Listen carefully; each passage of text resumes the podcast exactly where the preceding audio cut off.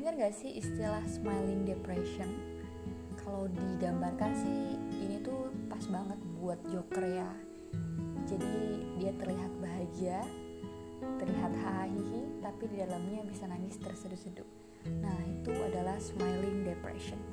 Kok bisa sih? Apa yang mempengaruhi smiling depression? Dan apa akibatnya? Mungkin menarik juga um, membahas ini. Jadi kebetulan emang lagi pas nih habis baca artikel tentang smiling depression dan mungkin kalian juga bisa menambah insight kalian tentang smiling depression.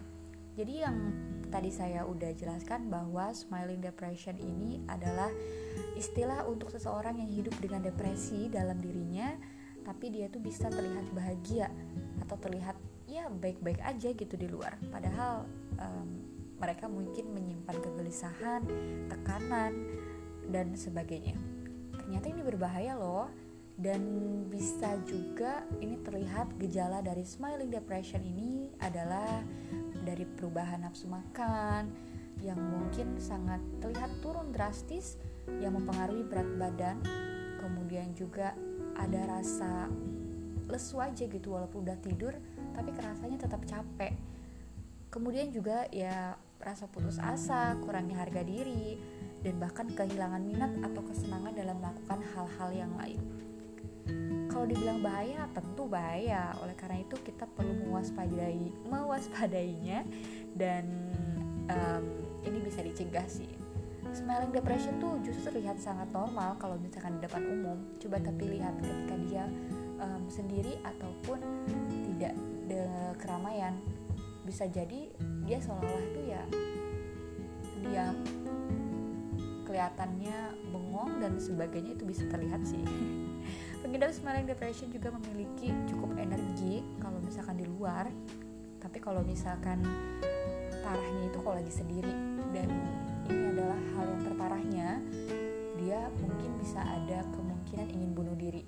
Itu adalah impact parah dari smiling depression kemudian juga ada beberapa hal yang memicu seseorang yang mengidap smiling depression ini. Bisa jadi karena adanya pergolakan batin kemudian juga dari aktivitas media sosial melihat orang-orang yang begitu happy. Tapi kan entah kalau di dalamnya seperti apa. Dan bagaimana sih kita cara menyembuhkan smiling depression ini? Tentu yang pertama adalah kita least punya satu orang yang bisa kita percayai untuk bercerita jadi teman dengar lah istilahnya bisa mengutarakan apa pun itu yang kita mau. Yang kedua adalah uh, kita bisa mengontrol diri dari um, mencoba untuk berpikir hal-hal yang di luar dari tekanan itu bisa. Yang ketiga adalah coba arahkan dengan biasanya nih katanya orang yang uh, depresi itu kita bisa um, mengalihkan pikiran dengan mungkin healing ya enggak menghitung benda-benda itu bisa bintang menghitung bintang atau mendengar suara air itu bisa menjadi refleksi kalian jadi kita harus waspadai smiling depression. Oke. okay.